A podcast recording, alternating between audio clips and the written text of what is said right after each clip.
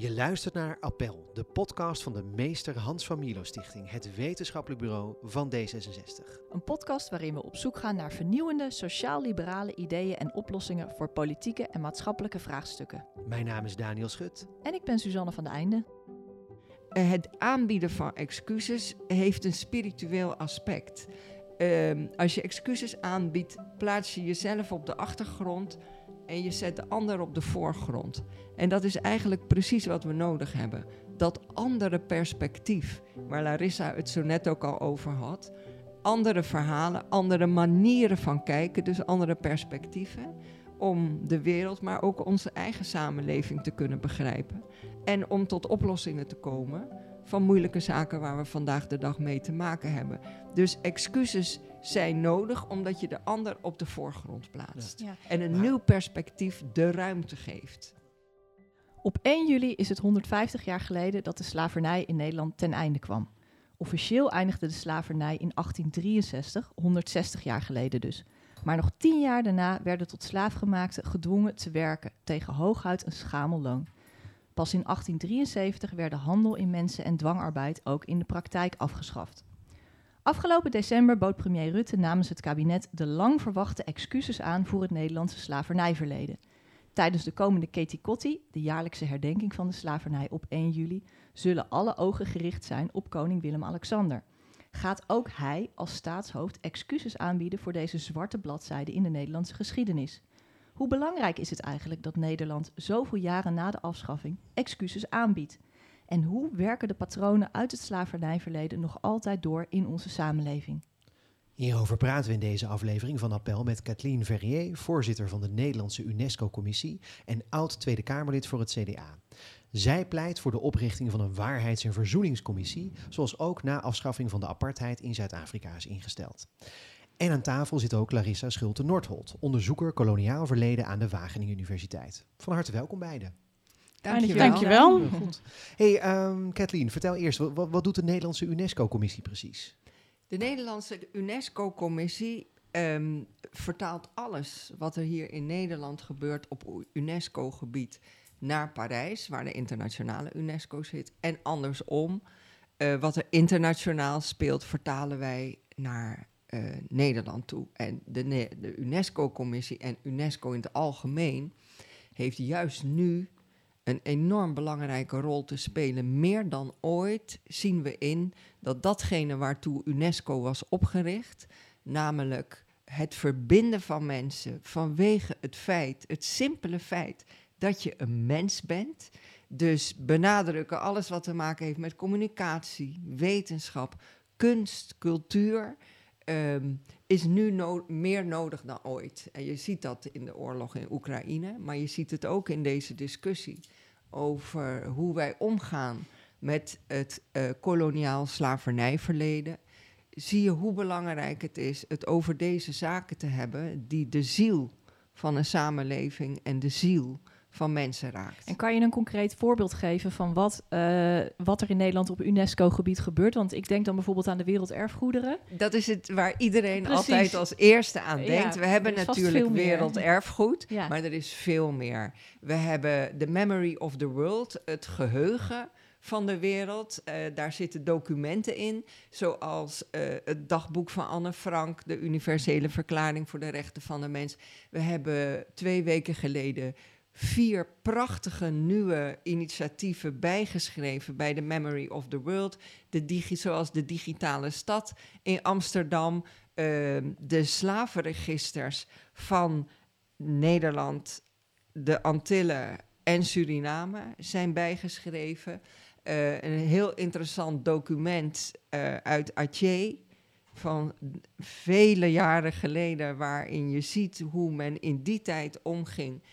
Ehm, een positie koos in een internationale omgeving, hè, waar, waar handel gedreven werd, culturen met elkaar samenkwamen. Nou, dat hoort bij de Memory of the World. We hebben vele UNESCO-scholen, we hebben UNESCO-chairs. UNESCO-scholen? Ja. Wat doet een, UNESCO-school? Wat, wat je? Nou, dat zijn scholen die het UNESCO-gedachtegoed uitdragen.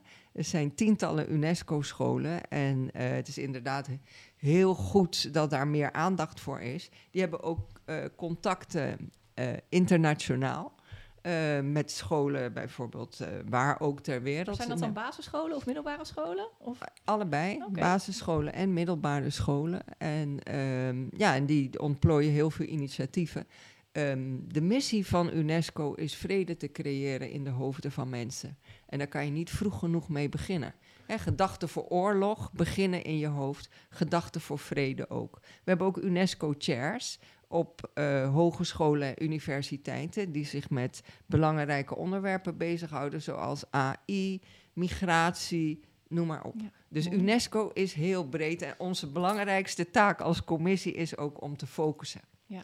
En in, in dat kader, wat betekent de herdenking van slavernij voor jou?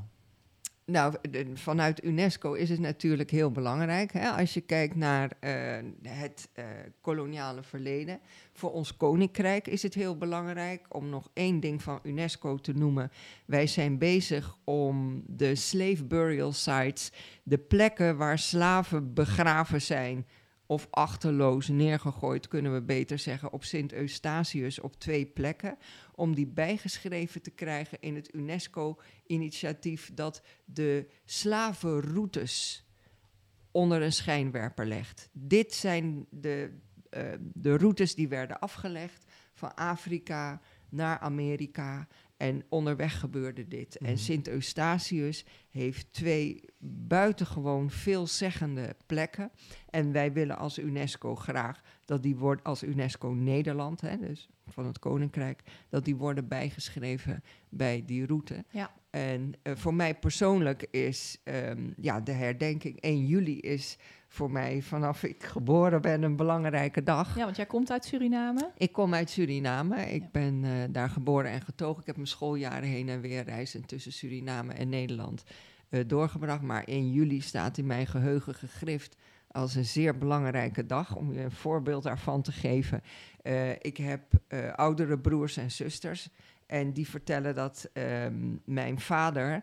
Eh, ik kom uit een onderwijsgezin en school was het allerbelangrijkste. Je moest half dood zijn, wilde je niet naar school gaan Ja. dat mijn vader ehm, met de padvinderij georganiseerd had dat alle schoolkinderen de straat op zouden gaan op 1 juli om te vieren dat dat de dag is dat de slavernij was afgeschaft. En ehm, nou, dat, dat was een beetje zijdelings. Maar toen had mijn vader tegen zijn kinderen gezegd: Vandaag ga je niet naar school. Zo, Dat dat, was een he-. En als de juffrouw Ja. morgen vraagt Ja. waarom je er niet was, dan zeg je: Ik had iets belangrijkers te doen. Ja. En toen hij later directeur van onderwijs en minister van onderwijs werd, is het eerste wat hij gedaan heeft 1 juli tot een nationale vrije dag, in Ja. ieder geval voor de schoolkinderen te maken, zodat die stil konden staan bij dat wezenlijke moment in de geschiedenis. Mooi. Want jij hebt ook voorouders die tot slaaf gemaakt waren. Ik heb voorouders die tot slaaf gemaakt zijn en ik heb voorouders die ehm, ehm, administrateurs waren op plantages. Ehm, mijn wortels liggen over de hele wereld verspreid. Ik heb voorouders die tot slaaf gemaakt waren uit Afrika. Eh, de verhalen van mijn eh, overgrootmoeders die vertelden wat hun grootmoeders vertelden over hoe het eraan toe ging op de plantages. Eh, mijn zusje en ik vonden het meest indrukwekkende dat je op een eh, steen moest slapen.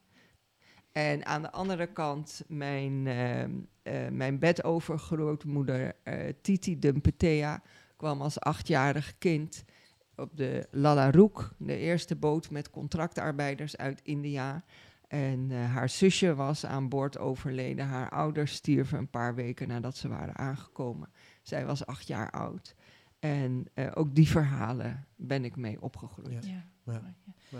Indrukwekkend. Zeker, ja. Ja. Larissa, even naar jou. Ehm, jij onderzoekt het koloniale verleden aan Wageningen Universiteit. Vertel eens. Ja, dat klopt. Ik ben eh, sinds september bezig met een onderzoek over het koloniale verleden van de Wageningen Universiteit. Eh, nou is die universiteit opgericht in 1876. Dus nou, degene die goed opgelet heeft, die weet dat is enkele jaren na de afschaffing van de slavernij. Maar dat betekent natuurlijk niet dat er geen doorwerking is van het slavernijverleden. Daar hebben we het nu ook nog steeds over. En je moet je ook bedenken dat eh, na die afschaffing eh, in 1873 1863, dat er uh, niet meteen een einde komt aan kolonialisme. En dat er niet meteen een einde komt aan koloniale structuren. Dat die uh, Afro-Surinaamse bevolking die um, van die plantages kwam, vervolgens een eigen weg moest banen in het leven. Vervolgens zelf um, ja, een, een, een, toekomst voor zichzelf moest creëren. Um, en uh, een heel mooi voorbeeld daarvan is natuurlijk dat kent uh, hopelijk tegenwoordig iedereen, het boek van Anton de Kom bij Slaven van Suriname, waarin hij ook beschrijft hoe dat nog doorwerkt tot in zijn eigen tijd op dat moment. Um, dus um, ja, de Wageningen Universiteit daarnaast is natuurlijk een landbouwuniversiteit. Nou, uh, Waarschijnlijk kun je je ook wel bedenken, landbouw en kolonialisme zijn innig met elkaar verweven. Landbouw en slavernij zijn innig met elkaar verweven. Het gaat om plantages, het gaat om koloniale landbouwgewassen, uh, koffie, thee, uh, tabak, suiker, rubber. Uh, die werden op die plantages verbouwd. vervolgens werd daarmee welvaart gecreëerd in Europa, in Nederland. Dus daar doe ik eigenlijk onderzoek naar, naar de vraag hoe heeft de Wageningen Universiteit zich, um, ja, op welke rol heeft de Wageningen Universiteit daarin ge, gespeeld? Op welke manier is er kennis geproduceerd um, tijdens dat koloniale verleden? Op welke manier werkt dat door nu in het postkoloniale heden? Um, dus eigenlijk doe ik onderzoek naar die verwikkeling van kennis en kolonialisme. Uh, en ook breder buiten landbouw, maar op dit moment gaat het uh, voornamelijk over die landbouwgeschiedenis. En ik heb het nu uh, best veel over Suriname gehad, maar we moeten daarbij ook niet Indonesië en het koloniaal verleden daar vergeten. Ja, ja, dat is breder inderdaad. Ja. Waar komt die persoonlijke interesse vandaan? Want je, je, spreekt heel gedreven en met een hele sterke drijfveer. Dus het is, het is niet alleen maar abstract een soort wetenschappelijke nieuwsgierigheid. Um, ja, dat is altijd een hele moeilijke en persoonlijke vraag die ik ga proberen goed te beantwoorden. Oh ja. um, nou, mijn proefschrift ging, uh, ging over uh, decolonisatie van kennis in de context van een uh, geschiedenisproject wat over Afrika ging bij UNESCO. Decolonisatie van kennis, wat moet ik me daarbij voorstellen? Ja, goede vraag. nou, je hebt decolonisatie in politieke zin. Hè. Dat betekent dat landen na een periode van koloniale overheersing onafhankelijk worden in politieke zin. Um, maar zoals ook al duidelijk werd aan het verhaal wat ik net vertelde, uh, hoop ik, is kolonialisme ook meer dan alleen maar politieke overheersing. Maar kolonialisme is iets wat in kennis gaat zitten, wat in cultuur gaat zitten, wat structureel is. Mm -hmm. daar, je kunt ook na nadenken over zoiets als een cultureel archief. Dat is een, uh, een term van de Palestijns-Amerikaanse denker Edward Said, wat in Nederland populair is gemaakt door Gloria Wekker. Um, dus dat kolonialisme is veel breder, dat dat door, doordezemt eigenlijk de hele samenleving. Dus op het moment dat jij politiek onafhankelijk wordt als land, uh, is het eigenlijk uh, het decolonisatieproces nog niet afgelopen. En je moet ook op een bepaalde manier, of die gedachte ontstond er heel erg in de jaren 50, 60 en is er nu nog steeds. Je moet ook die structuren van kennis decoloniseren. Je moet nagaan denken over een andere manier om kennis te produceren, een andere manier om over de geschiedenis na te denken, perspectiefwissels daarin. En eigenlijk zou ik willen zeggen dat dat ook is waar wij nu mee bezig zijn in Nederland. Hè? De, de aandacht die er meer is voor kolonialisme, voor slavernijverleden. Wij zijn zijn hier in Nederland eigenlijk middenin een decolonisatieproces waarin wij op een nieuwe manier proberen te na te denken door middel van uh, nieuwe stemmen en uh, nieuwe kentheoretische paradigma's. Dus Oeh, nieuwe moeilijk woord. epistemologische ja. paradigma's. Even, even nu in gewone mensentaal. Ja. Nou ja, nieuwe, nieuwe raamwerken eigenlijk waarin we, waar we onze kennis aan ophangen. Dus als ja, jij... ik zit even te kijken van heel, concreet dat decoloniseren van kennis. Ja. Is dat dan, je noemt andere stemmen aan het woord laten. Dus dat je je bronnen, dat je je kennis niet alleen baseert op... Uh, witte bronnen, ik noem maar even, of, ja. of maar dat je ook uh, nazaten van tot slaafgemaakte ja. aan het woord laat. Moet ik dat, dat is een onderdeel, dat is zeker een heel belangrijk onderdeel daarvan, maar het gaat er ook over dat je op met andere ogen naar die witte of koloniale bronnen kijkt, dat je op andere dingen let. Nou, net uh, Kathleen vertelde heel mooi over de verhalen die zij van haar grootouders hoorde, die, die, die, die, die dat weer hoorden van hun grootouders. Nou, uh, in de geschiedwetenschap zouden we dat oral history noemen. Hè, dus uh, de orale, ja, de mondelinge ja, geschiedenis, ja. de orale vertelcultuur, uh, is heel erg lang niet serieus genomen. Hè. Historici hebben heel lang gezegd, eigenlijk alleen de enige bronnen waar je geschiedenis mee kan schrijven, zijn geschreven bronnen uit archieven. Nou, in de jaren 60 kwam daar verandering in en ging men zeggen, maar we kunnen ook naar die orale bronnen, dat is ook literatuur.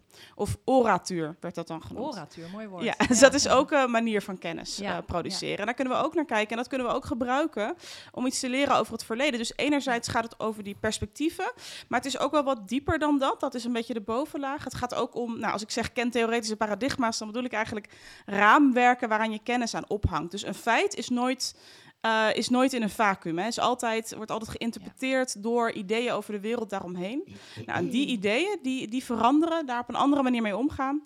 Dat is onderdeel van, van, eh, van decolonisatie. En ik denk dat we daar in Nederland nu mee bezig zijn. Op allerlei verschillende manieren, allerlei verschillende mensen zijn daarmee bezig. Mag, mag wel- ik, ja, sorry, Katrien. mag, je mag ik daarop reageren? Zeker. Nou, ik, ik, ik vind het, eh, nou ja, eh, heel eh, duidelijk hoe Larissa het uitlegt. En ehm, het haakt ook aan iets wat jij net zei. Je had het over de zwarte bladzijde. Mm. Ehm, dit is niet een zwarte bladzijde. Dit is een heel systeem geweest. Niet iets wat je om kan slaan. En vandaar wat Larissa zegt over de hoezeer eigenlijk de, het koloniale systeem, de manier van denken, de manier van kijken hier in Nederland nog steeds aanwezig is, maar ook wereldwijd. Onze hele wereldeconomie is nog steeds gebaseerd op uiteindelijke manier van denken, dat één deel van de wereld toelevert aan een ander deel van de wereld, wat dat nodig heeft voor eh, welvaart. Dat zit nog steeds in het denken. En ik vond zelf vrij shocking toen ik op een gegeven moment hoorde, niet eens zo lang geleden, dat hier geopperd werd, nu er gebrek is aan leerkrachten in het basisonderwijs hier in Nederland, om dan mensen uit Suriname te halen. Want die spreken goed Nederlands en die kunnen hier makkelijk eh, inkomen. En die willen natuurlijk komen, want in Suriname krijgen ze veel minder betaald. Toen dacht ik, dit is nou precies de koloniale manier van denken. Wij halen weg wat wij nodig hebben en vervolgens gaan we niet kijken naar wat de gevolgen zijn voor het land. Daar wordt niet op een Mhm, gelijkwaardige manier eh mee gesproken. Extractivisme. Extractivisme, noemen Ja. wij dat. Maar ik bedoel, dat is inderdaad het systeem. Een manier van denken, een manier van kijken naar de wereld. Het inrichten van je economie. Het kijken naar elkaar. Eh, dat is het decolonisatieproces. En het is niet een bladzijde die je Maar, omslaat. maar hoor ik je nu zeggen dat, dat elke vorm van wereldhandel eigenlijk een vorm van kolonialisme is? Nou, wa- wat ik, wat ik zeg is als je goed kijkt naar hoe de wereldeconomie nu eh, is ingericht, eh, ook hoe we kijken naar migratie en dat soort dingen, ehm, is, is dat vooral gericht op het welzijn van een deel van de wereld en een ander deel van de wereld dat daaraan ten dienste dient te zijn. Mhm. En mag ik daar op Ja, reageren? ja. Zeker. Nou, en het is ook gelinkt aan, ehm, hè, als je dan weer dat kennisperspectief erbij had, het is ook gelinkt vanuit, het is gelinkt aan, een, aan, aan eurocentrisme zou ik dat willen noemen. En dat is, dat is aan, aan de ene kant is dat een moreel probleem, maar het is ook een, eh, het is ook een kentheoretisch probleem. Sorry voor de moeilijke woorden. Maar even misschien, wat Omdat- is eurocentrisme? Eurocentrisme, het idee dat eh, Europa het middelpunt van de wereld is. Maar goed, de wereld is een bol, dus er is geen En de middelpunt. norm, Europa bepaalt de norm, Ja. dat denkt men nog steeds. Nou, Europa, idee- of ook, geldt dat dan ook voor de Verenigde Staten? eh, Het me Ja, Westen. ik zeg, ik zeg Ja. vaak, eh, ik vind Ja, het Westen een problematische term, omdat Ik het een ook. hele vage term is. Dus ik zeg vaak Euro-Amerikaans. Mhm. Om ook specifiek te verwijzen naar witte Amerikanen. Hè. We hebben het over Afro-Amerikanen, maar het eigenlijk nooit over Euro-Amerikanen. Ja, die tellen nooit Ja. mee bij de Ameri bij Nee, maar goed, dat is een hele Amerikanen. belangrijke Dus, term. Dus, dus Ja. eurocentrisme gaat ook over het idee dat beschaving zich vanuit Europa ehm, over de wereld verspreidt. Ja. Hè, en dat is een 19e eeuws idee. Eh, en daar is kolonialisme mee verwikkeld, omdat het, het eh, onderdeel van kolonialisme was ook die, die, die civilizing mission of die mission civilisatrice. Het idee dat je beschaving moet verspreiden vanuit Europa, dat je de rest van de volkeren van de wereld moet leren hoe zij goed kunnen leven. En dat is gelinkt aan dat idee van, van wereldhandel. Het is niet alleen een probleem omdat het oneerlijk is, maar het is ook een probleem omdat het maar één bron van kennis gebruikt. Juist. Dus dat idee dat Europese kennis universeel is.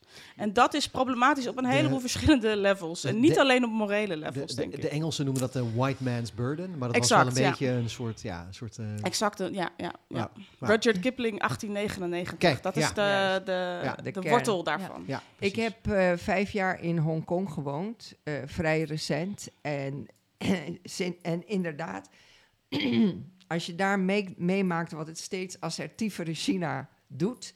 En hoezeer men in Europa eigenlijk tot voor zeer kort nog steeds dacht van, weet je, uiteindelijk bepalen wij de norm. Uiteindelijk wil iedereen worden zoals wij. Hè? Wij hebben het beste systeem. Die tijd is echt voorbij. En dat merk je ook op UNESCO-niveau in, in Parijs. De, ehm, ik vind het een prachtige term. Dankjewel, Larissa. Eh, eh, de Euro-Amerikaanse manier van denken is een minderheidsgroep Ja. aan het worden. Hm. En dat superioriteitsgevoel van uiteindelijk wil iedereen worden zoals wij. En bepalen wij wat de norm is. Die tijd is echt Maar- voorbij. En ik denk ook, Nou, als ik ik daar heel snel mag reageren, dat Euro-Amerikaanse superioriteitsdenken, wat geworteld is in het kolonialisme, dat belemmert ook ons eigen vermogen om problemen op te lossen en om de wereld te Kijk. begrijpen. Dus het is niet alleen maar een, een verhaal van ongelijkheid.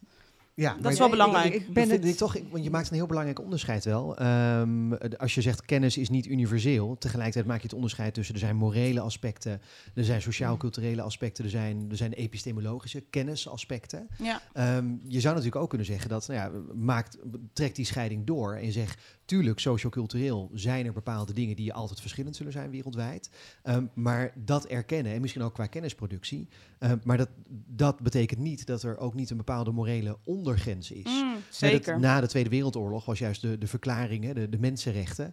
Dat was juist een gedachte waarvan werd gezegd: hè, iedereen is daarbij betrokken. Alle culturen waren erbij betrokken. En eh, die mensenrechten zijn vanaf dat moment het universele Ja. standpunt geworden. Ook in China is een schending van mensenrechten een schending van mensenrechten. Ja, tuurlijk. Ik denk ook dat het allebei moet zijn. Het moet Ja. en een moreel eh, vraagstuk, of het is, sorry, het is en een moreel vraagstuk en een kentheoretisch vraagstuk. Waarbij het gaat om het, het oplossen van problemen. Maar de reden dat ik dat onderscheid maak, of dat ik dat even wel benadruk, is dat je snel verzandt in een eh, we moeten dit doen, want het is zielig voor mensen. Of want Ja. het is dat het vaak eh, Ja. hè, dat, dat idee dat we op een andere manier moeten na, nadenken. Ik vind het belangrijk om, dat, om te benadrukken dat dat niet alleen maar om die morele, eh, hoewel dat heel erg Mhm. belangrijk is, hè, dat ontken ik niet.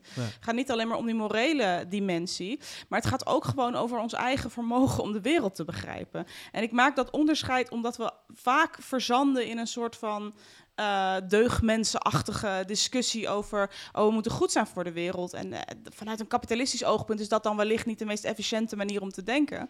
Maar ik wil juist zeggen, ja, maar er zit ook een element in van, van efficiëntie, van, van eh, het begrijpen van de wereld. En het is niet Ja. alleen begrijpen, maar het is ook de uitdagingen waar we als Ja. wereldbevolking voor staan. Klimaatverandering, migratievraagstuk, energie, schaarste aan water waar we mee te maken krijgen. Je, die, dat, die grote uitdagingen kan je niet vanuit één denkrichting Mhm. oplossen. Ja. De denkrichting van de zeven vinkjes, om maar wat te zeggen. En het is ook heel mooi om te zien dat er een herwaardering komt voor inheemse tradities, eh, inheemse manieren van landbouw. Hè, we mogen hopen dat Wageningen daar de deuren zeer wijd voor openzet. De landbouwgewassen, eh, eh, zorgvuldig met water omgaan. Al die kennis was er en die kennis is er. En het is dus inderdaad de wereld begrijpen toelaten dat er ook andere manieren van kijken, andere perspectieven niet alleen mogelijk zijn, maar ook nodig zijn. We kunnen het niet vanuit één manier van denken. Ja. Wat ik Ja. me de hele tijd afvraag, wat ik toch even wil vragen tussendoor. Waar komt eigenlijk die Euro-Amerikaanse superioriteit vandaan? Want- Het kolonialisme. Ja, maar dat... Punt. Ja. Ja, zeker. credits. Maar, Dat ja, was de 19e zeker. eeuw Rudyard Kipling. Dat Zeker, was, ja, maar waar, ja. hoe kon dat ontstaan? Waarom? Ja, sorry, het is een Dus beetje een flauwe reactie. Het is de vraag die daar aan vooraf gaat. eigenlijk. Want er was een tijd dat er geen kolonialisme was. Dus wat is de stap geweest van geen kolonialisme naar die superioriteit van waaruit die, die koloni- kolonialisme kon ontstaan? Ja, dat vind ik een hele leuke en mooie vraag. Ehm, je moet bedenken dat voor eh, de Europese superioriteit eh, India, China veel eh, ja, belangrijker waren wereldwijd. Precies. Dat vergeten wij vaak. Dat, dat brengen we ook nauwelijks in ons geschiedenisonderwijs in. Belangrijker in welk opzicht? Machtiger, ja. Economisch ook. Economisch Ja, machtiger, ja. cultureel eh, invloed. Militair. invloed van India over de hele wereld, van pakweg voor 1500, is enorm. Ook als je kijkt in taal bijvoorbeeld. In het Indonesisch zit ontzettend veel, eh, ontzettend veel Sanskriet-woorden in, Ja. om even een voorbeeld te noemen. Dat vergeten we vaak, eh, dat leren we onze kinderen volgens mij ook nauwelijks hier. Ehm, eh, nou, in, in 1492, dat is altijd zo'n belangrijk jaar, hè? want dat gebeurt er dan. Columbus, ja. Exact. Die gaat naar Amerika, ontdekt niet Amerika, het was er al. Eh, vanaf dat moment gaat eigenlijk, ehm, ik zeg altijd tegen mijn studenten, vanaf dat moment gaat de Europese bril op reis. Hè? En ontdekken Europeanen dat er andere dingen in de wereld zijn. En gaan daaromheen, om dat te verklaren, ontstaat een wereldbeeld waarbij Europa het centrum van de wereld wordt. Van waaruit van alles wordt ontdekt. Exact, Of, ja. nou ja, niet ontdekt, maar... Nou ja, maar Eh, vanuit hun perspectief ja, wel, inderdaad. Ja, Ja, ja, ja, precies. En dat kan je, nou, een ander woord daarvoor is het eurocentrisch, of het term daarvoor is eurocentrisch diffusionisme. Dus dat is echt het idee dat, dat volkeren uh, in een soort middelpunt rondom Europa ontstaan. Dus dat is ook dat, nou, dat, dat, dat kennen mensen, misschien sommige mensen wel uit geschiedenisles, het piramidevormige idee met de witte man uh, aan de bovenkant en de andere rassen, rassen ik zeg het tussen aanhalingstekens, van de wereld uh, daaromheen. Je zegt dit, dat kennen mensen van de geschiedenisles. Wordt dit nog zo onderwezen bij ons op school? Nee, ik bedoel meer, um, ik, ik hoop met een, uh, ik hoop dat mensen dit, uh, docenten dit wellicht gebruiken als voorbeeld van het wereldbeeld uit de 19e ah, eeuw. goddank. Ik schrok hem ook niet herinneren hoor. Maar, uh, schrok ja. heel erg, ja. Nee, excuus, excuus. Nee, ja, nee, maar goed, ja. je ziet dat dus vanaf, die, vanaf ongeveer de 15e of de 16e eeuw gaat die Europese bril zich ontwikkelen en ontstaat langzaamaan dat su superioriteitsdenken, dat rassendenken ook vanuit Europa, waarbij de witte man, het, het witte ras als superieur wordt gezien ten opzichte van anderen. En er wordt ook echt, hè, er is allerlei rassenwetenschap, uh, fysiek antropologie uh, daaromheen, waarbij echt een indeling wordt gemaakt, waarbij de zwarte Afrikanen eigenlijk altijd onderaan in de beschavingspyramide komen en de witte man uh, daarboven en alle andere rassen van de wereld. Ja. Nogmaals, ik zeg met aanhalingstekens daartussenin. Ja. Dus, dus ik zit me hard op te denken, stel dat Columbus Afrikaans was geweest en vanuit een Afrikaans land de wereld was overgevaren, had de geschiedenis er misschien heel anders uit geweest. Wellicht, ja. Uitgesloten, uitgesloten geweest dat het andersom was geweest? Ja, dat is een vraag die je als historicus nooit kan beantwoorden. Nee, nee, maar ja, in, in aanvulling erop zie je natuurlijk wel dat in de Chinese cultuur, in de Chinese beschaving, heeft diezelfde aanname heel lang geleefd. Hè? China, dat was het middenrijk, het rijk waar de hele wereld Ja. omheen draaide. Die heeft zelfs ergens in, ik weet niet meer wanneer dat was, maar ergens in de 14e, 15e eeuw ook bewust besloten om juist niet op ontdekkingsreis te gaan, want het allerbelangrijke was toch Mm. in China. Eh, nou ja, ik kijk even naar jou, Kathleen, Ja, als, als met Hindoestaanse wortels. Hindoestaanse in India- wortels en met ervaring eh, vijf jaar eh, in Hongkong. D- voor Chinezen is nog steeds China het Ja. centrum van de wereld. Ja. Het, het land heet ook zo, hè? het Zhongguo, Ja. het rijk in het midden. En ehm, voor hun is natuurlijk de, de hele periode met eh, de, de, het opium, de opiumoorlogen een enorme vernedering. Ja. Maar dat is een zuchtje in de tijd. En we zijn Zo nu- zien ze dat. Ja, ja, zo zien ze ja. dat. En nu is China weer bezig haar rechtmatige plek in de wereld, in het midden, Ja. in te nemen. En inderdaad, eh, India is de grootste democratie in de wereld. En eh, onderschat niet wat daar aan kennis en, Ja. eh, cu- en cultuur aanwezig Maar, is. maar de vraag die ik ook wilde stellen was: ehm, eh, in India is natuurlijk ook ontzettende sociale ongelijkheid. Ja. Het kastensysteem, de ongelijkheid Zeker. tussen mannen en vrouwen. ja. En de, de vraag die ik eigenlijk wilde stellen was: eh, we, we zitten nu heel erg het eurocentrisme te Mm. benoemen als een slecht fenomeen. Maar in hoeverre is beschavingscentrisme niet gewoon een universeel fenomeen? Europeanen reizen rond en dan zeggen ze: oh, maar zoals wij naar de wereld kijken, dat is dominant. En Nou, Chinezen nee. gaan dat doen, dan is Ja. dat ineens dominant. Nou ja, het is toch een. een het, het, heeft ook heel erg te maken, en dat heb ik echt geleerd. eh, ik heb lang in Zuid-Amerika gewoond. Ik heb zelf de talen van Zuid-Amerika gestudeerd. Ehm, het is toch ook je wereld en je mensbeeld. Mhm. Wat zeer bepalend is voor de manier waarop je de wereld ingaat. Inderdaad, niet voor niets heeft China gezegd: wij gaan geen andere landen veroveren. We hebben hier alles al. Bovendien, eh, conform onze manier van denken, eh, het Confucianisme enzovoort, eh, is het niet aan ons om anderen te gaan vertellen wat ze wel en niet moeten doen. Wij doen ons ding en eh, ehm, wij bemoeien ons graag als er ze ergens mee kunnen helpen, maar we zullen nooit zeggen hoe zij het in hun eigen land moeten doen. Ehm, dus het, het is een ander mensbeeld. Dat betekent niet dat er geen zaken daar zijn waar wij vanuit onze manier van denken zeggen: dit kan zo toch niet doorgaan. Ja. Maar onderschat ook niet de krachten in die landen zelf, die daar ook ehm, tegen in opstand komen. Ik ben zelf betrokken bij een universiteit voor vrouwen in Bangladesh, in Chittagong, een havenplaats, de Asian University for Women, waar eh, opgericht door een Bangladeshi lawyer. Die gezegd heeft wat deze wereld nodig heeft, is een heel ander soort leiderschap dan wat we nu zien. We hebben feminien leiderschap nodig. Het kunnen mannen zijn, maar dat zijn toch vaak vrouwen. Toevallig hebben wij hier in Azië heel veel krachtige vrouwelijke leiders. Kijk maar naar de geschiedenis. Hè, ehm, eh, mevrouw Sukarno, mevrouw Aung San Suu Kyi, eh, nou noem ze maar op. Krachtige vrouwen. Eh, dus er zit hier veel vrouwelijk leiderschaptalent. Heel veel van dat talent krijgt nooit de kans zich te ontwikkelen, omdat ze niet naar school kunnen gaan. Dus die universiteit detecteert in 16 Aziatische en Midden-Oostenlanden uh, de meest talentvolle meisjes niet of ze goed kunnen leren, maar of ze gemotiveerd zijn, drive hebben, creativiteit om problemen op te lossen. En die worden daar op die universiteit opgeleid met beurzen vaak. En uh, dus denk aan uh, theepluksters uit Sri Lanka, meisjes uit de textielindustrie in Bangladesh, India, platteland van Afghanistan.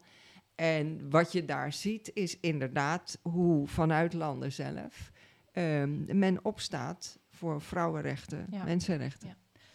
Ik wil even nog terug naar de doorwerking van uh, het slavernijverleden in het heden. Want jij noemde inderdaad al, hè, het is een systeem en je noemde de doorwerking op economisch gebied. Hè. Wij, wij, hebben een personeelstekort, dus we denken van in het onderwijs, we denken van, oh, misschien zijn er wat docenten uit Suriname die hier komen werken, als voorbeeld. Wel, op welke andere manieren werkt dat door? En dan denk ik onder meer aan racisme en discriminatie. Hoe is die link met dat slavernijverleden? Nou, het is, ik vind dat Larissa, die legt het zo ontzettend goed uit. Um, de, de, de, manier van denken, die rassentheorie, dat superioriteitsdenken, dat is eeuwenlang, is dat het denken geweest. En dat is natuurlijk niet van het ene moment op het andere is het weg. En de kern van slavernij, Hè, dus van uh, mensen, zwarte mensen onderaan de, de, de, de piramide zetten. Uh, is dat je mensen ontmenselijkt. Hey, je ontneemt ze hun menselijke waardigheid. We kunnen dat ook mensen overal. eigendom. Ja, het ja. wordt een, een ding. Je ja. kan ermee doen wat je wilt. Ja. Um, dus, en dat werkt natuurlijk door. Dat, dat zit in het collectieve geheugen. Dat is niet 1, 2, 3 weg. Dat is een heel proces. En dat uitzicht vandaag de dag in onze samenleving door institutioneel racisme. Wat er gebeurt bij de marechaussee. Uh, het, het rapport het rapport over discriminatie bij het ministerie van Buitenlandse Zaken, nota bene. Wat we zien bij de kindertoeslag, bij uh, kinder... Nou, de toeslagenaffaire, dat is ja. Ja, ja. bij de ja. toeslagenaffaire. Uh, wie de documentaire De Blauwe Familie gezien mm. heeft. Uh, er is in ons land institutioneel racisme en discriminatie. Wat mevrouw Kaag vertelt over haar eigen kinderen. Als ze de, hun achternaam gebruiken, wordt het leven lastig als ze zeggen dat ze Kaag heten. Het is gewoon zo. En dat zijn precies de zaken. Als je het nou hebt over hoe gaan we om met het slavernijverleden, hebben we natuurlijk het belangrijke rapport van de adviescommissie. Die zegt er zijn drie fases. Erkennen, erken wat er gebeurd is, ken de feiten, maar erken ook hoe het doorwerkt in het heden. Excuses van belang en vervolgens herstel. En bij herstel gaat iedereen, wordt dan wat nerveus, want ook dan gaat het over geld en hoeveel geld en dit en dat. Wat heel belangrijk gevonden wordt en terecht is dat dat herstel ook gericht is op effectieve aanpak van de ongelijkheid in onze samenleving. Ja, heel, daar komen we zeker zo nog op. Laten we inderdaad even terug naar die, die excuses. Hè? Dat we het even één voor één een beetje afpellen. Uh, want daar gaat het nu, daar ging het de afgelopen ja. tijd heel erg veel over. Misschien toch nog even, waarom is het zo belangrijk dat er excuses worden aangeboden? Want ik hoor vaak om me heen toch nog, nou dat lees je natuurlijk ook uh, in de krant, toch twijfels over de noodzaak hiervan. Hè? Niemand die nu in Nederland leeft heeft een rol gespeeld ja. in de slavernij. Uh, ja, het is afschuwelijk en het mag nooit meer gebeuren en het is verwerpelijk. Maar is erkennen en herdenken niet voldoende? Waarom toch die excuses? Kan je dat uitleggen? Ja, excuses zijn uh, om meerdere redenen heel belangrijk. Um, wat ik zelf heel mooi vond in de speech van um, de minister-president, is dat hij zelf ook aangaf dat hij een proces heeft doorgemaakt. Kijk, dat hele proces naar 19 december was niet fraai dat laatste stukje. We werden geconfronteerd met een datum en dat is nou het voorbeeld van hoe het kolonialisme doorwerkt. Er waren mensen, wij bepalen, jullie waren er niet bij betrokken. Ja, wij bepalen welke datum. Hallo, ja. Het is wel eh, goed om als je zoiets doet, want je biedt excuses aan. Dus ja. je wil ook dat je excuses aanvaard worden. En dan is en dan... het verstandig om op zijn minst de datum te bespreken. Maar goed, we hebben katshuisgesprekken gehad en die zijn heel goed geweest. En uiteindelijk waren die excuses daar. En die waren oprecht en indrukwekkend. En ik ben heel blij dat ze er waren. Om wat de minister-president oprecht zei. En een van de dingen die hij zei was: Ik heb zelf ook altijd gedacht, dit ligt achter ons. hè, we waren er niet zelf bij, niemand leeft nog, maar ik had het mis. Want het leeft nog steeds door. En wat excuses doet, eh, het aanbieden van excuses heeft een spiritueel aspect. Ehm, als je excuses aanbiedt, plaats je jezelf op de achtergrond en je zet de ander op de voorgrond. En dat is eigenlijk precies wat we nodig hebben. Dat andere perspectief, waar Larissa het zo net ook al over had. Andere verhalen, andere manieren van kijken, dus andere perspectieven. Om de wereld, maar ook onze eigen samenleving te kunnen begrijpen. En om tot oplossingen te komen van moeilijke zaken waar we vandaag de dag mee te maken hebben. Dus excuses zijn nodig omdat je de ander op de voorgrond plaatst. Ja. En een Maar- nieuw perspectief de ruimte geeft. Maar Larissa, vraag aan jou. Is dat eh, mensen zien een excuses of sorry zeggen toch ook als een heel persoonlijk iets vaak? En je hoort mensen op straat dan ook wel zeggen... ja, ik was er niet bij. Ik heb dat niet gedaan. Ik heb niks om me voor te schamen. Dus waarom zou ik nou sorry moeten zeggen? Ehm, Ja, ik, vind- ik vind dat een beetje, ehm, een beetje kinderachtig als mensen Ja? dat zeggen. Ehm, kijk, er zijn ook excuses aangeboden, ook door Rutte zelfs, voor het handelen van de Nederlandse overheid met betrekking tot de Holocaust. Daar is op de een of andere manier een stuk minder gedoe over. Srebrenica ook. Ja, Srebrenica. En dat- natuurlijk kan je zeggen, oké, dat is korter geleden. Maar ik vind, ehm, ik, ik, ja, ik verwijs altijd graag naar eh, een eh, interactie tussen mevrouw Sylvana Simons en, eh, de, en Mark Rutte. eh, waarin zij heel goed uitlegt, het is niet lang geleden voor heel veel mensen. Zij heeft het dan, geloof ik, over haar, nou, ik weet niet helemaal precies, over haar grootmoeder of haar overgrootmoeder, die in slavernij eh, is geboren. En hoe die verhalen in haar familie eh, aan, de, aan, de, ja, aan de tafel nog steeds rondgaan. Dus daarmee illustreert ze het, het is niet heel erg lang geleden. En ik mag toch hopen, zegt ze dan, dat we niet over 50 jaar gaan zeggen, nou die Tweede Wereldoorlog, die holocaust is nu al een beetje klaar. zitten. Ja. Ja, precies. hoor, dus ja. dus hè, ik vind het altijd, als je die Tweede Wereldoorlog erbij haalt, ik hoop dan toch dat dat voor mensen illustreert dat dat soort eh, ja, misdaden tegen de menselijkheid, dat je die moet blijven herdenken. En dat dat eh, belangrijk is om daarbij te blijven stilstaan. En ten tweede denk ik ook, het is ook, het is niet een individueel eh, sorry wat Rutte maakt. Het is vanuit de overheid tegenover eh, een groep. Het is, een, ehm, eh, het is niet dat Rutte zegt dat elke individuele Nederlander op de straat nu persoonlijk zich schuldig moet gaan voelen of excuses moet maken. Daar gaat het helemaal niet over. Nee. Het is een veel groter Het verhaal. is de maatschappij. Als ik daarop. Ja. aan mag sluiten, Ja. want inderdaad, Rutte en eerder al de stad Amsterdam, de stad Rotterdam, de stad Utrecht hebben excuses aangeboden. En ze doen dat niet als persoon, maar als rechtsopvolgers van diegenen die dat in de tijd hebben mogelijk gemaakt. En er komt nog een aspect bij, dat voor ehm, de nazaten van de slaafgemaakten, ehm, inderdaad, het is niet lang geleden, ook omdat de voorouders een wezenlijke rol spelen, ook in het heden. Net zoals er een wezenlijk besef is van verantwoordelijkheid voor de generaties die na ons komen. Jullie hebben vast wel eens gekeken naar eh, de 1 juli-viering bij het Slavernijmonument. Dat begint altijd met een plengoffer van mevrouw Markelo. Want dat is traditie, eh, in ieder geval in Suriname en ik neem aan ook op de Antillen.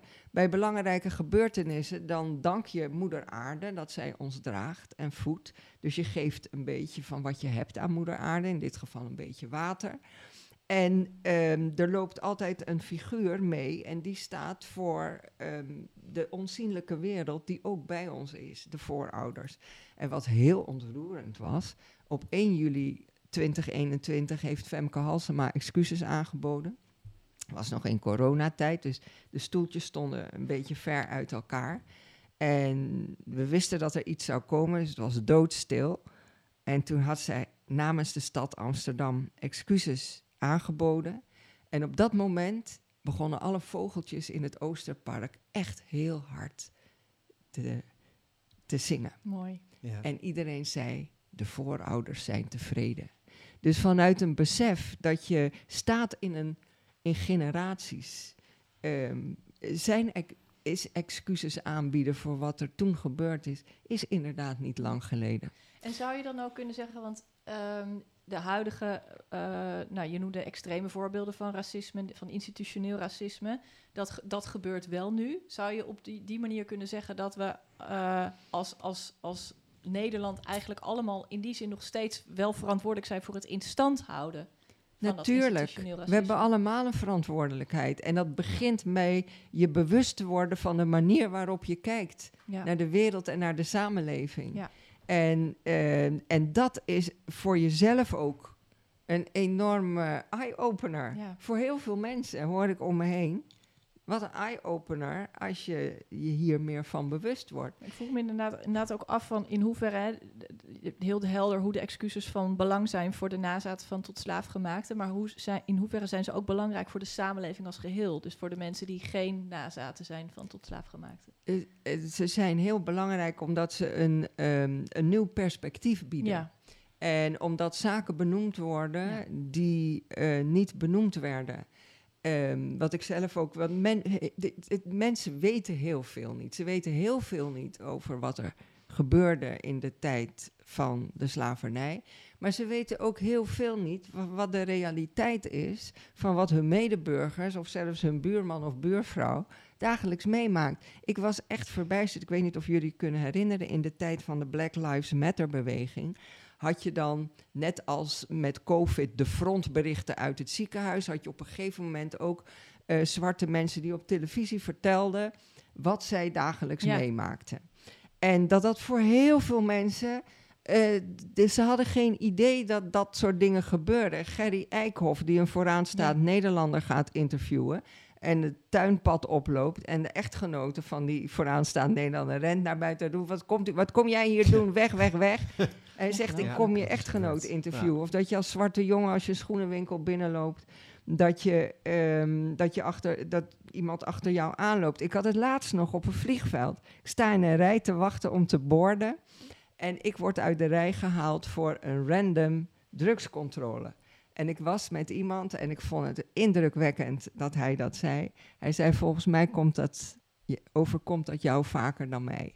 Ik zei, ja, dat denk ik ook wel. Ja. Dat is gewoon de reden. Maar mensen weten het niet. nee. Want eh, waar ik van onder de indruk was, was toen dat op televisie kwam, dat allerlei mensen zeiden: Oh, dat wist ik niet. Dan denk ik, hoe kan je dat Ja, nou niet weten? dat verbaast mij ook wel inderdaad. Ja. Want over- Tegelijk, nou ja, ga je Nou, ja. inderdaad, want over die onwetendheid had ik ook nog een vraag. Ehm, i- i- inderdaad, van in hoeverre er nog sprake is van onwetendheid over het slavernijverleden en welke of er specifieke dingen zijn waarvan jullie zeggen van ja, dat moet echt iedereen weten. Je noemt nou inderdaad het, eh, die doorwerking. Zijn er nog andere dingen? Kijk ook naar jou, Larissa, van wat je zegt van dit, dit moet eigenlijk echt iedereen weten, maar ik merk dat daar nog heel veel onwetendheid over is. Nou ja, ik ehm, denk dat er heel veel is. Dus ik vind het een beetje lastig om één ding te benoemen. Maar ik denk over het algemeen dat we ehm, meer eh, zouden moeten weten over kolonialisme aan zich. Hè, dus ik, natuurlijk, ik wil het slavernijverleden is heel erg belangrijk om daar eh, onderwijs over te geven. Maar het is dus juist om die doorwerking te begrijpen. Misschien eh, minstens net zo belangrijk om ook eh, te onderwijzen over kolonialisme aan zich. En niet alleen in Nederlandse context, maar globaal gezien. Want het is kolonialisme en die koloniale structuren die dat slavernijverleden mogelijk hebben gemaakt. Uh, dus heel vaak zie ik dat die twee dingen toch een beetje als synoniem worden gebruikt, slavernij en kolonialisme. Maar het zijn toch wel wezenlijk twee andere, twee andere structuren waar we het over hebben. En om slavernijverleden goed te begrijpen, inclusief dus al die discussies die er nu zijn en al die, die mensen op straat die zeggen die sorry is niet namens mij. Volgens mij kan je dat beter begrijpen als je, als je die geschiedenis wat ja, holistischer, wil ik zeggen, eigenlijk aanpakt. En dus ook de British Empire en het Franse Rijk en al dat soort dingen. Ja. Uh, laat zien dat dat ook onderdeel is van datzelfde verleden. Het is niet ook, we moeten ook een beetje voorbij dat nationale perspectief soms, denk ik. Dus dat dat, dat hele grote, het grote systeem van die, die tijd waarin zoveel ja. landen dachten van uh, een land, ik pik het in, dat mag ja. ik, ik eigen het mij toe. En ik, denk, ik kan me voorstellen dat dat, dat dat ingewikkeld is, want het is een heel groot verhaal. Maar ik denk dat je dat door in te zoomen op kleinere verhalen en, en, en een, um, wat mij betreft een grote waaier aan verschillende, verschillende kleinere verhalen, dat best wel uh, goed zou kunnen illustreren. Ja wel heel grappig natuurlijk dat je, je maakt het grotere verhaal, maak je erbij. Er staan mensen natuurlijk ook helemaal niet bij stil. Dat nee. in Suriname heb je dus allerlei groepen. Heb je. je hebt Hindoestani, je hebt Creole, je hebt alles. Tegelijkertijd heb je daarnaast ja, Frans-Guyana. Daar heb je ook weer precies diezelfde samenstelling. Maar daar praten we nooit over. Um, ja. On, en dat, ja. dat, is ook natuurlijk voortgekomen uit het koloniale verleden. Dat is, uh, nou, precies. Ja, ja. Om die, die, die geschiedenis van Frans-Guyana of van Guyana, wat dan vroeger Brits-Guyana was. En Suriname was ooit een kolonie van exact, de Britten geweest. En er hebben geruild voor New York. Ja, de en we Nederland, focussen- ze. Ja. En, ja, en wat de Spanjaarden en de Portugezen gedaan hebben. Ja. En het is toch heel bijzonder om te zien Ja. dat dat hele continent er drie kleine landjes zijn. Voor hun begrippen klein. Hè? Suriname is vijf keer zo groot als Ja. Nederland. Ehm, die Frans, Nederlands en Engels als moedertaal hebben. En de hele opbouw van de samenleving Frans, eh, Brits en Nederlands is. Ja. Dus Ja. dat soort besef. Maar tegelijkertijd, hè, ik denk dat je beide dingen moet doen. Dus wat Larissa zegt, mensen een wat breder perspectief geven. Maar tegelijkertijd ook focussen op het hier en nu. Hmm. eh, hier in Nederland. De, eh, dat men kan zien hoe dit doorwerkt en hoe wij hier allemaal een verantwoordelijkheid in hebben. En dat is ook een Ja. van de redenen dat ik samen met ehm, Joost Reuzelaars, hè, eh, remonstrant, eh, dominee, pleit voor iets als een waarheids- en verzoeningscommissie. Ja. Ja. Kijk, want we zien de feiten liggen op tafel. Ehm, de regering heeft onderzoek gevraagd. Ehm, Amsterdam heeft onderzoek gedaan. eh, Utrecht, Rotterdam, Den Haag, de banken, de Nederlandse bank, de koning laat onderzoek doen naar zijn familie. De feiten liggen op tafel. Maar om werkelijk een gedeelde toekomst te kunnen visualiseren en bewerkstelligen, is er meer nodig. Een spiritueel proces. Wat zou zo'n waarheids- en verzoeningscommissie moeten doen? Kijk, je kan, je kan niet één op één natuurlijk de Waarheids- en Verzoeningscommissie van Zuid-Afrika hier neerzetten. Want er zijn enorme verschillen. De mensen leven niet meer. Eh, de context is heel anders. De waarheid kennen we, die is afschuwelijk. Verzoenen, het is maar de vraag of je mag eisen van mensen dat er hier verzoend kan worden. Maar wat belangrijk is daarin, dat er een gezaghebbende plek gecreëerd werd waar alle perspectieven gedeeld kunnen worden. De verhalen van alle mensen, dus ook van zeg maar de autochtone Nederlander, die zegt: Ik heb hier niks mee. Integendeel, ik zie dat mijn eh, traditie, mijn eigenheid, mijn ruimte ingeperkt wordt. Ook die verhalen moeten gehoord kunnen worden. Dus een gezaghebbende plek waar verhalen gehoord kunnen worden, waar taal gevonden kan worden om gevoelens en emoties die bovenkomen woorden te geven, om rituelen te creëren in gezamenlijkheid, waarmee je uiting kunt geven aan dat wat je bindt. Want dat is vooral belangrijk. Ja. En dat je niet denkt in. eh, want als ik bijvoorbeeld naar mezelf kijk, hè, eh, daar zit inderdaad, wat ik zei, mijn wortels liggen over de hele wereld verspreid. Uiteindelijk is niemand helemaal zwart of helemaal wit of helemaal dit of helemaal dat. In onze samenleving ook niet. Dus juist dat gezamenlijke benoemen en het besef dat je elkaar nodig hebt om verder te komen. Ja. Daar zou zo'n eh, zo'n commissie eh, in kunnen helpen. Is daar politiek draagvlak voor? Weet je dat?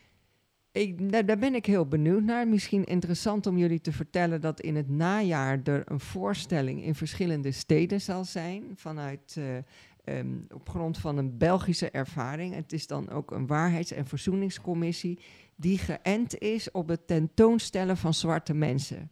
Zoals Ja. dat tot in het begin van de, tot in de vorige eeuw hier in Nederland nog eh, vrij gebruikelijk was. En over, daarover is er dan een, waar, een voorstelling van een waarheids- en een verzoeningscommissie.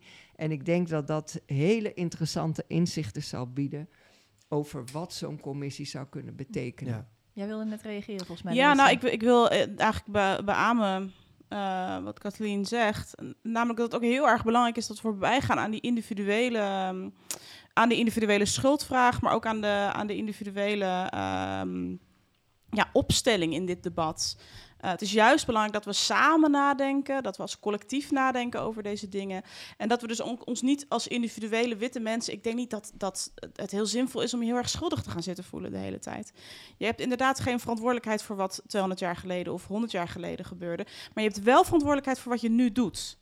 En dat is denk ik heel erg belangrijk om dat verschil te maken. Want soms die schuldvraag of dat schuldgevoel en die reactie, die, die, die boze reactie die daarop komt, die kan belemmeren, die kan oplossing en verzoening in de weg staan. Hoe kijk jij vanuit dat perspectief dan naar de wat meer conservatievere reacties vaak op, op dit soort voorstellen? Dat inderdaad Nou, wordt ja. gezegd. Ja, Ik denk, ik denk dat heel vaak, ehm, heel vaak wat conservatievere reacties mee te krijgen zijn op het moment dat je wegbeweegt van dat schuldgevoel. Hm.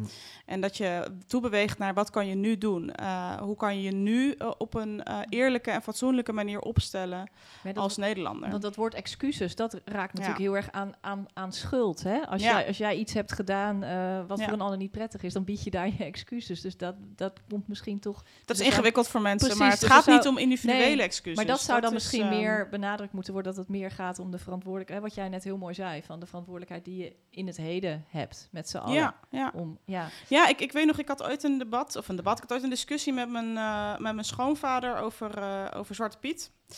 En ehm, ehm, hij zei tegen mij, ja, ik, ik voel me dan, dan, ik vind het dan heel vervelend om me te moeten realiseren dat ik kennelijk jarenlang het verkeerde heb gedaan.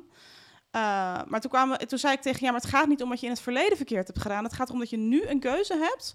Een, een keuze kan maken. Oké, ik weet nu, ik heb geleerd door allerlei. Ik heb voortschrijdend inzicht dat Zwarte Piet niet meer kan. Of dat ik dat niet meer wil. Dat het racistisch is. Dus nu doe ik het niet meer. En dan hoef je je niet over al die keren dat je in het verleden wel eh, verkleed bent gegaan. eh, whatever, Ja. schuldig te voelen. Ja. Het gaat erom dat je nu. Als je nu dan nog steeds eh, vanwege een verleden Nu je blijft ervan hangen bewust daarin. en dan doorgaat. Exact, Ja, exact. Ja. Ja. En dat Ja. vond ik ook het mooie in de speech van Rutte in het Nationaal Archief op 19 december. Dat hij zei, jarenlang heb ik dit gedacht. Hè, het heeft geen zin, het is lang geleden, moet het maar vergeten. Maar ik had het mis. Ja. En ik ga nu dingen anders doen.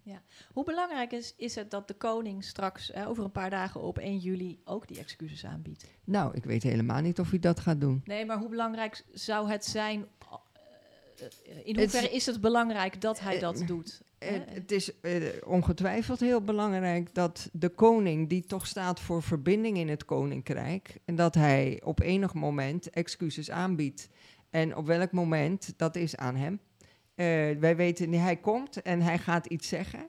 Tien jaar geleden, in 2013, toen er eigenlijk een belangrijke aanzet gegeven werd in het praten en denken over het gedeeld verleden, het koloniaal slavernijverleden. Eh, mijn zusje Joan was toen voorzitter van de commissie die alles voorbereidde. En ik, ik, ik, ik weet van dichtbij hoe dat ging. Excuses was niet denkbaar. Het was, alle deuren gingen dicht, het was onmogelijk. Maar toen is van alles mede door haar ehm, in werking gezet, zoals de kitty kotti tafels, ehm, schoolboeken, stripboeken waarin het verhaal wordt verteld. En je ziet wat het effect daarvan is, dat we nu wel hier staan dat de eh, minister-president namens eh, als rechtsopvolger van degene die dit mogelijk hebben gemaakt excuses heeft aangeboden. Koning laat onderzoek doen. Ik ben daar zelf bij betrokken. Ehm, of hij zegt ik wacht het onderzoek, de eindresultaten eerst af. Of ik vind dit een moment om excuses aan te bieden is aan hem. Maar dat het belangrijk is, dat staat Dat als een paal wel. boven Ja. Water. Larissa, jij pleit net terecht voor een wat bredere blik als het gaat over kolonialisme. Eh, in dat verband zou je misschien zeggen, eh, koningshuizen in heel Europa in de 19e eeuw zijn een belangrijke aanjager geweest van kolonialisme. Hè. Kijk naar koning Leopold vanuit België, wat hij in Congo heeft gedaan. Ehm, zou het vanuit dat perspectief juist niet extra, extra belangrijk zijn dat koningshuizen en dus ook ons eigen koningshuis in Nederland excuses aanbieden? Ehm, ja, op zich denk ik dat wel. Het is ook belangrijk, denk ik, om te realiseren dat we hebben heel veel over Suriname en ook heel veel over Nederlands-Indië, Indonesië. Maar Nederland heeft nog veel meer koloniën gehad. We zouden ook meer daarover na kunnen denken en de wisselwerking daarbij met andere Europese mogendheden. Vertel. Eh, dus ja. Ghana bijvoorbeeld, hè, en de, de interactie met eh, Groot-Brittannië, eh Berbice, hetzelfde verhaal. Brazilië. Brazilië, inderdaad, een heel g- groot voorbeeld wat mensen vaak vergeten. Ja. Uh, dus dus daar, daar uh, in die zin zouden ook samenwerking uh, tussen onderzoekers uit verschillende landen. En dat gebeurt ook, gelukkig. Ja. Dus dat lijkt mij heel belangrijk. Um, ja, zeker. En jij noemde het net al even dat dat natuurlijk vaak uh, ter discussie komt. Moeten de excuses gepaard gaan met een financiële genoegdoening? En zo ja, hoe zou dit eruit kunnen zien? Kijk, ik vind dat is wat je allereerst aan um, de doelgroep, aan wie hè, dus de nazaten van tot slaafgemaakten, uh, die zouden daarover aan het woord moeten zijn. En men denkt heel vaak dat het gaat om geld en grote bedragen, maar het zou mij niet verbazen als er uh, ook als heel andere zaken als prioriteit genoemd worden. Waarbij ik zelf denk dat de ongelijkheid in de samenleving, de achterstelling door racisme en discriminatie, eh, dat dat zeker een hele grote prioriteit zou hebben. En dat mensen zelf hele goede ideeën hebben hoe je dat aan kan pakken. Los daarvan heb ik ook hele in- interessante initiatieven gehoord, ideeën die mensen hebben, hoe je grootschalige projecten op zou kunnen zetten met Nederland, Ghana, het Caraïbisch deel van het Koninkrijk en Suriname, eh, waar je structureel werkgelegenheid zou kunnen creëren. En dat zijn ook mooie vormen van. ehm, ehm, Financiële genoegdoening. van, van, Compensatie. van, ja, van eh, compensatie, van repair. Ja. Ja. Ja. Maar het hoeft dus Herstel. niet alleen om geld te gaan. En Larissa, dan vind ik het voorbeeld wat jij noemde van je schoonvader, die dan zei, nu ben je bewust, vanaf nu doe je het anders, vanaf nu doe ik het anders, zei hij. Ehm, is dat ook een vorm van herstel te noemen? Eh, ja, dat denk ik wel. Ja. Ik denk dat herstel inderdaad op heel veel verschillende manieren ingevuld kan worden. En dat voortschrijdend inzicht, eh, zeker in de wetenschap natuurlijk, ja, daar leeft de wetenschap bij. Dus ja. Ja. Is denken in termen van financiële genoegdoening dan niet ook weer een nieuwe vorm van kolonialisme eigenlijk? Dat moet je even uitleggen. Nou ja, omdat je dan denkt, van, eh, waar, waar mensen dus van vrezen uit de meer conservatieve hoek, die zeggen bij excuses komt ook een zak geld. Daar moeten we alle winsten die zijn gemaakt met slavernij, moeten dan weer terugkeren. En het gaat dan over miljarden is dat. Dat Mm. wordt dan vaak gevreesd, dat er betaald moet gaan worden. Maar dat is dan weer een hele platte manier van kijken naar, naar menselijke relaties en naar maatschappelijke relaties. Ach zo, ja, dat denk ik wel. Dat het eh, ingewikkelder ligt. En ik denk ook dat er hoeveel mensen er zijn, hoeveel verschillende ideeën over hoe dat herstel eruit moet zien. En eh, dat, kijk, het Slavernijmuseum is officieel geloof ik geen onderdeel van, eh, van eh, herstel. Maar het is wel een heel mooi ja, onderdeel van verzoening, denk ik. Ja. En van educatie. Ja. Ehm, dus er zijn ontzettend veel verschillende manieren. Geld. kijk, daar ontkom je niet aan. Hè? Dat, het, dat het ook gepaard gaat met, met financiële genoegdoening. Maar dat hoeft niet alleen maar een, een, een, zoals jij het noemt, een platte zak geld te zijn. Ja. Het kan veel breder ingekleurd worden. Dat, dat geluid krijg ik nog vaak uit de conservatieve hoek, krijg ik dat terug van, Ja. oh, dan moeten we Ja. er iets gaan betalen. Maar Ja. dan ben je dus niet klaar. Dat is, dat Dat- is niet dat- hetzelfde. nee, Dat daar is- begint ja. het misschien ook niet Nee. eens. Ehm, Ja. nou, Nee. Daar. Dat is inderdaad vaak de, de, de angst hè, van, oh, we gaan geen excuses aanbieden, want Ja. dan wordt er gevraagd dat we geld gaan geven. Er zijn zoveel meer ideeën hierover. Ik heb ehm, in de tijd een boek geschreven over internationale samenwerking, waar ik verschillende experts voor geïnterviewd heb. En een van hen is Maria Liberia Peters, Hm. die onlangs hier in Nederland was en ook een prachtig verhaal gaf op een grote studiedag van NINSEE, waar minister Dijkgraaf van begin tot eind aanwezig was. Hulde voor deze man. Ehm, en ik heb, had haar voor het boek ook geïnterviewd. En dat is begin van deze eeuw, dus lang geleden. En de titel van dat interview is Geld trapt op de ziel van de mens. En toen al zei ze, eh, vanuit Nederland denkt men altijd dat alles met geld op te lossen is. Maar er is een, een, zijn zoveel andere manieren. En ook daar is een spiritueel ehm, aspect aan. Van eh, hè, hier, hier heb je een zak geld en nu moet je eh, je mond houden. Nee, Ja. er is veel meer wat ons bindt en daar moeten we naar, naar Ja. op zoek. Ja, mooi. Ja, dat brengt ons eigenlijk bij eh, de, de opdracht die jullie hebben voor de politiek. Ja. Dat doen we in de vorm van, wat is heel veel gezegd, heel veel gehoord. Ehm, stel, jullie waren minister. Wat zouden jullie nou doen eh, om die patronen, hè, dat systeem dat nog steeds doorwerkt uit het slavernij, slavernijverleden, te doorbreken?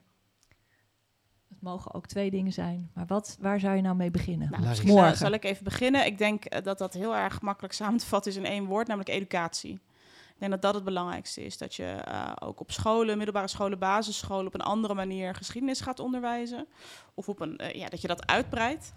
En ehm, nou, ik ben absoluut geen eh, minister of politicus. Ik ben eh, toch een wetenschapper. Dus ik wil eigenlijk graag een eh, boek aanraden voor iedereen om te lezen. Wat heel goed laat zien.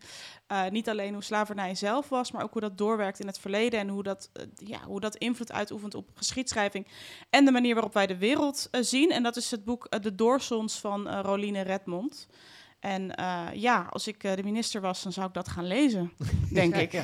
En hoop. iedereen aanraden dat ook te Ja, gaan ik vind lezen. dat een heel Ja. eh, een, een boek wat ontzettend toegankelijk eh, geschreven is en ook heel mooi laat zien hoe al die verschillende dingen, economie, geschiedenis, uh, cultuur, uh, met elkaar verweven zijn in dit verhaal van, ja. van slavernijverleden. Dus dit was... verplicht op de literatuurlijst. Bestaan die nog literatuurlijsten op de middelbare Geen idee. ja. nou, dat mag ik toch echt wel hopen. Ja. maar kijk, het, ik, noem nu één, ik noem nu één boek en ik vind dit zelf een, een heel mooi boek. Maar er zijn natuurlijk, dat is, dat is breder de boodschap, hè? dat mensen meer, dat het belangrijk is meer te leren en open te blijven staan voor, voor nieuwe perspectieven. Dus niet alleen van het, uh, er was ooit slavernij, maar ook de juist die Ja, en ook, ook bijvoorbeeld waar we het nu niet over gehad hebben, uh, maar contractarbeiid. ja. Die geschiedenis moeten we ook meer over leren, ja. denk ik. Ja. Ook daarover is onlangs een interessant boek verschenen, ongehoord, ongezien. nou ja, het hangt er maar vanaf uh, waar je minister van of voor bent. En inderdaad, Vonden educatie, we in jullie geval uh, moeilijk te, te, te, te, definiëren, dus daarom hebben we hem opengelaten. De minister. of misschien ja. wel minister-president. Ja, precies. Ja. Ja. Stel je was minister-president. Ja, nou, Nog dan zou ik inderdaad zeker inzetten op het onderwijs. Onderwijs, onderwijs, kennis. Uh, voor, ik zou ook uh, de, de kunsten natuurlijk. Je ziet gelukkig al veel meer op podia.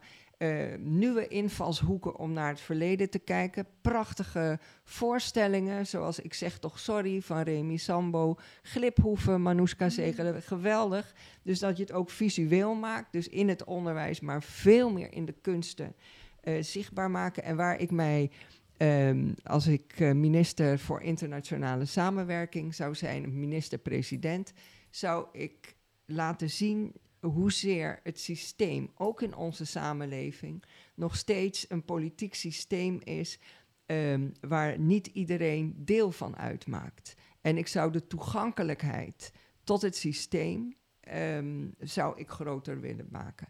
En wereldwijd zou ik inderdaad uh, echt oog hebben voor de koloniale structuren zoals die nog steeds bestaan in de wereld. En daar heeft zeker een minister van Buitenlandse Zaken of uh, internationale samenwerking, kan daar een hele mooie rol in spelen. En um, ook concrete stappen zetten om dat zichtbaarder te maken. En de gelijkwaardigheid veel meer te benadrukken. En niet met ideeën te komen van we halen weg wat wij nodig hebben. Ja, ja. mooi.